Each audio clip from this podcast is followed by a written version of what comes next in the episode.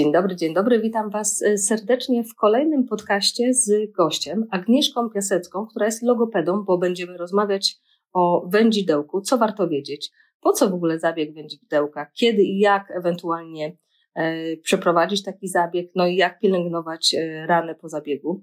O tym wszystkim e, porozmawiamy e, za chwilkę, e, bo poczekaj Agnieszka, zanim Cię przedstawię, to ja mam do Ciebie najważniejsze pytanie. Czy Twoje dzieci miały podcinane wędzidełko? Przede wszystkim dzień dobry. Tak, jestem mamą e, dwójpółletniej Alicji, która właśnie e, musiała mieć podcięte wędzidełko właśnie bardzo szybko, bo w pierwszym tygodniu swojego życia. Także temat wędzidełek znam od podszewki, od strony mamy i od strony specjalisty.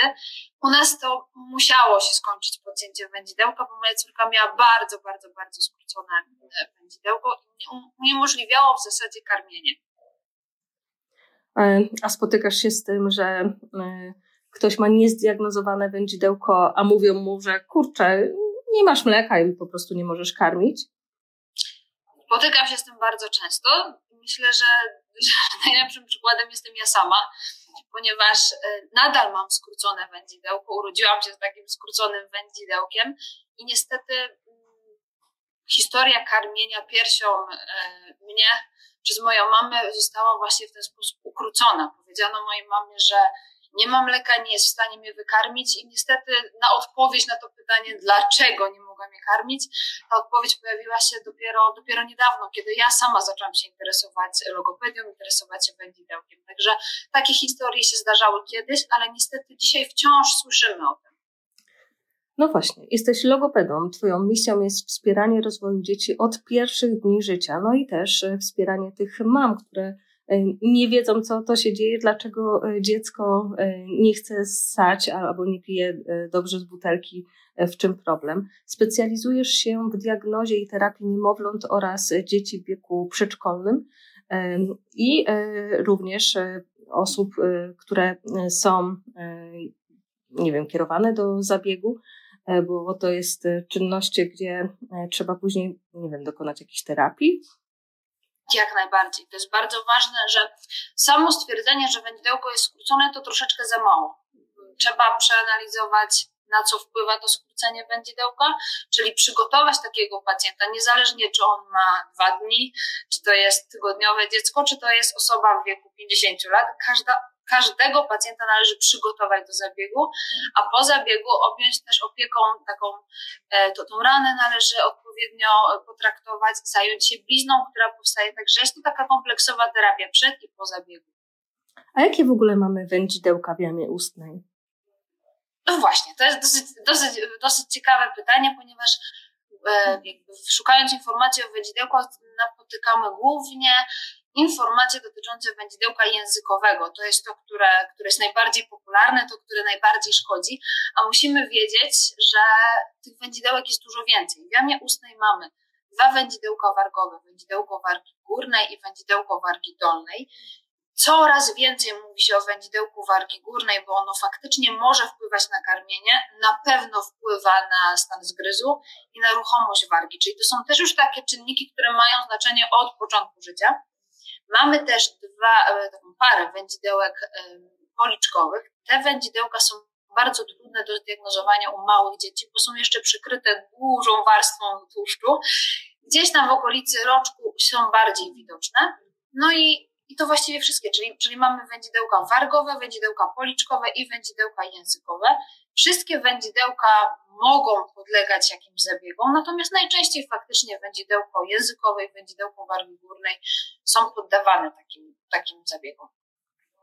E, normalnie jest tak, że e, udajemy się do specjalisty, ale żeby udać się do specjalisty, do logopedy, na przykład do ciebie, to e, najpierw musimy stwierdzić, że coś nas zaniepokoiło w wyglądzie wędzidełka.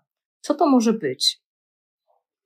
Najczęściej jest tak, e, droga jest taka, że najwięcej mam zgłasza się do mnie z maluszkami po wizycie położnej. Po wizycie położnej albo po wizycie doradcy laktacyjnego, czyli jakby te pierwsze objawy widzimy w tej sferze. I już nawet po porodzie, jak utrzymamy tego maluszka, możemy zobaczyć pierwsze sygnały, że coś może być nie tak. Jeżeli sprawa tyczy się wędzidełka języka, to naj, bardziej popularnym objawem jest tak zwane serduszko, że ten język serduszkuje, czyli na samym środku zapada się delikatnie. Jeżeli mamy taki objaw, no to mamy bardzo wysokie prawdopodobieństwo, że coś nie tak jest z tym wędzidełkiem. Jeżeli widzimy błonę pod językiem, to jeszcze nie jest e, powód, dla którego musimy szybko iść na, na podcięcie tego wędzidełka, ale na pewno jest to sygnał, który mówi, że trzeba by się temu bardziej przyjrzeć. Kiedy widzimy, że dziecko często ma otwartą buzię, ten język nie podnosi się do góry. Kiedy dziecko płacze, widzimy, że język się zagina, środek się nie podnosi. To możemy zobaczyć już w pierwszych godzinach tak naprawdę życia dziecka. Potem przychodzi ten moment, kiedy albo w szpitalu, albo już w domu położna środowiskowa bada dziecko. I zazwyczaj tutaj wyłapuje takie rzeczy. Ja mam takie doświadczenie, że naprawdę coraz więcej położnych, coraz więcej doradców wyłapuje to przy pierwszej wizycie bardzo szybko i to jest pierwsza osoba, która kieruje do mnie. Także to są takie rzeczy, które możemy zobaczyć od razu. I to się, to co powiedziałam do tej pory, dotyczy się tego wędzidełka języka tego, co bardzo szybko możemy zobaczyć, ale również szybko możemy zauważyć, że coś jest nie tak z wędzidełkiem wargi górnej. Jeżeli widzimy, że dziąsła naszego malucha są ciągle odsłonięte, ono nie domyka tej buźki, jest mu trudno złapać pierś mamy, to jest to kolejna rzecz, którą powinniśmy zdiagnozować, przyjrzeć się jej. Ale to nie oznacza, że ona od razu się będzie kwalifikowała do zabiegu. Na razie tylko chcemy stwierdzić, czy wszystko jest w porządku. E, no właśnie, bo jednak e, karmienie i wędzidełko to jest e, coś bardzo ważnego, e, ale jeżeli jest skrócone wędzidełko, to od razu jest ta konieczność zabiegu. Kto o tym decyduje? Zwyczaj jest tak, wszystko zależy od tego, jak to wędzidełko faktycznie wygląda i na co ono wpływa. Na takie pytanie trzeba sobie odpowiedzieć, czy to wędzidełko zaburza jakąś funkcję bo coraz więcej mam pacjentów, u których mimo skróconego wędzidełka nie decydujemy się na zabieg bo mamy przeciwwskazania. E, przeciwwskazanie może być obniżone napięcie, na przykład e, obniżone napięcie mięśniowe i ono może być obwodowe, ośrodkowe. E, to jest jedno z przeciwwskazań i to są rzeczy, które ja muszę wiedzieć, zanim mój pacjent pójdzie na zabieg. Więc często tak naprawdę do, takim weryfikującym badaniem będzie nie tylko badanie neurologopedyczne, nie tylko badanie położnicze, w sensie to takie, które, które wykonuje położna na wizytach środowiskowych, ale będzie to także badanie u fizjoterapeuty. Więc to są takie badania, które warto przeprowadzić, zanim zdecydujemy się dziecko wysłać na zabieg. Zazwyczaj na zabieg kieruję ja, kieruje inny neurologopeda, który widzi zaburzenie funkcji, czyli widzimy, że dane, że to wędzidełko wpływa na ruchomość języka. Język nie jest w stanie odpowiednio złapać piersi, nie jest odpowiednio zasać, dziecko nie jest w stanie wytworzyć próżni, więc je nieefektywnie. To jest dopiero wskazanie do podcięcia wędzidełka, nie sam fakt, że wędzidełko jest skrócone, ponieważ wiele osób funkcjonuje ze skróconym wędzidełkiem i radzi sobie zarówno z saniem, zarówno z jedzeniem, nie zawsze jest tak, że to wędzidełko będzie zaburzało funkcję. Bardzo często, ale nie zawsze. To jeżeli e, decydujemy się na zabieg, to jak się do niego przygotować? Bardzo ważne jest to, aby uświadomić sobie, że mm, jeżeli mamy takiego malucha, bo na nich bym się chciała dzisiaj skupić i o nich najwięcej opowiedzieć, jeżeli mamy maluszka i te, widzimy go w pierwszych dobach jego życia, widzimy, że wędzidełko jest troszeczkę skrócone, mama ma problemy z karmieniem, więc mm, i widzimy, że na przykład no, nie przybiera ten maluszek za bardzo tak, jakbyśmy chcieli, musimy działać dosyć szybko, ale musimy pamiętać, że samo wędzidełko jako struktura powstaje bardzo wcześnie. Ono powstaje w pierwszym trymestrze ciąży, w pierwszych tygodniach ciąży tak naprawdę. Ruchy języka pojawiają się kilka tygodni później, więc mały człowiek przez kilka miesięcy ćwiczy jakiś ruch pewien schemat ruchowy sobie wytwarzam właśnie na tym języku. Trzeba pamiętać o tym, że ten ruch jest nieidealny, to nie jest właściwy wzorzec sania. Więc jeżeli ten maluch urodzi się, to ma już ze sobą kilka miesięcy treningu nieprawidłowego ssania. Na szczęście jest tak, że mm, taki noworodek jest ubezpieczony w różne odruchy. To, co najczęściej się dzieje, to zamienia realizację jednego odruchu drugim. I tak na przykład zamiast sania pojawia się kąsanie to jest ten moment, kiedy mamy czują, że karmienie boli. Więc jeżeli nawet byśmy dokonali zabiegu bardzo szybko, czyli w pierwszych godzinach po porodzie, może się okazać, że ten język nie będzie pracował od razu jak trzeba, bo nie umie, nie potrafi. Te mięśnie nie są nauczone tego ruchu, dlatego bardzo ważne jest, żeby jak najszybciej podjąć terapię, w wyniku której dziecko nauczy się ruchu. Oczywiście one będą niepełne, bo ten język ma ograniczoną ruchomość, ale już mięśnie podejmują pracę. I to jest bardzo ważne, bo to jest główny powód, dla którego podcięcia są nieefektywne. Myślę, że i ty się spotkałaś, ja mam dużo takich historii, gdzie podcięliśmy wędzidełko i nic się nie zmieniło. Dokładnie. Nie zmieniło się nic, bo ten język nie wiedział, co ma robić. Ten maluszek nie poradził sobie z nowymi warunkami. I wtedy oczywiście wskazana jest terapia jak najbardziej, tym bardziej musimy się zaopiekować takim maluszkiem, ale zazwyczaj trwa to dużo dłużej.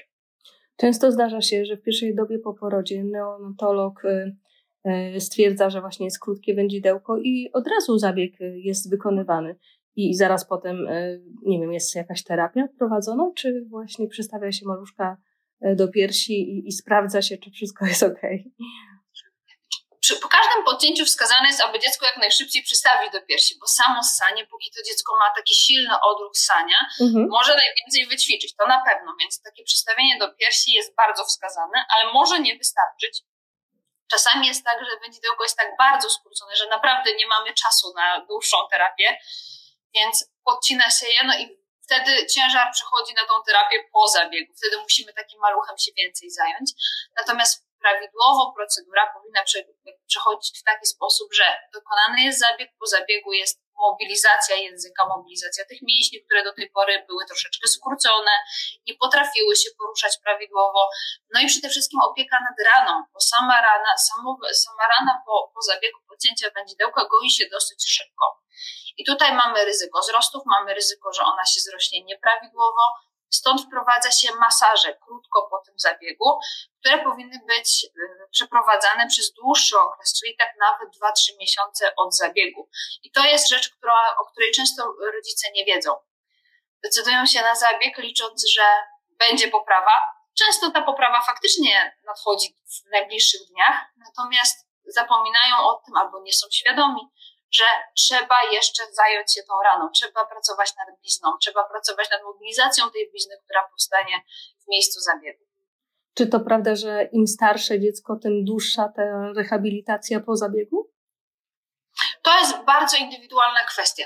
Faktycznie ja bardzo lubię, jeżeli trafia do mnie maluch w pierwszych trzech miesiącach życia, bo mam duże pole do popisu z tego względu, że ma bardzo fizjologicznie jego odruchy ustno-twarzowe są bardzo, bardzo silne, silnie wyrażone, więc tak naprawdę niedużym kosztem możemy osiągnąć super efekty. Natomiast nie, nie jest przeciwwskazaniem e, podcięcie wędzidełka w wieku późniejszym i jak najbardziej ta terapia jest potrzebna, ale trzeba pamiętać, że minęło więcej czasu, ten język pracował dłużej na nieprawidłowych warunkach, więc będzie troszeczkę więcej czasu nam zajmie wyprowadzenie tego dziecka, więc zazwyczaj tak jest, że im później, tym więcej mamy do pracy, ale jest wiele czynników, które niestety uniemożliwiają przeprowadzenie zabiegu szybciej, tak jak mówiłam o tym napięciu mięśniowym. Czasami są to e, silne asymetrie, dziecko, które jest asymetrycznie ułożone, które ma nieprawidłową dystrybucję napięcia mięśniowego, nie powinno być pochopnie kierowane na zabieg, bo mamy duże prawdopodobieństwo, że nie zrośnie się to ładnie i język nie będzie pra pracował symetrycznie, więc czasami jest tak, że musimy po prostu poczekać. Hmm. To na koniec, e, Agnieszko, tak podsumowując, e, bo e, słuchają nas i kobiety w ciąży, i świeżo upieczone mamy. I pięknie to zobrazowałaś, jak jeszcze w brzuszku rozwija się u maluszka wędzidełko. Czy, czy tak naprawdę my w jakiś, jakimś stopniu możemy przeciwdziałać temu, żeby to wędzidełko urosło takie, jakie ma urosnąć?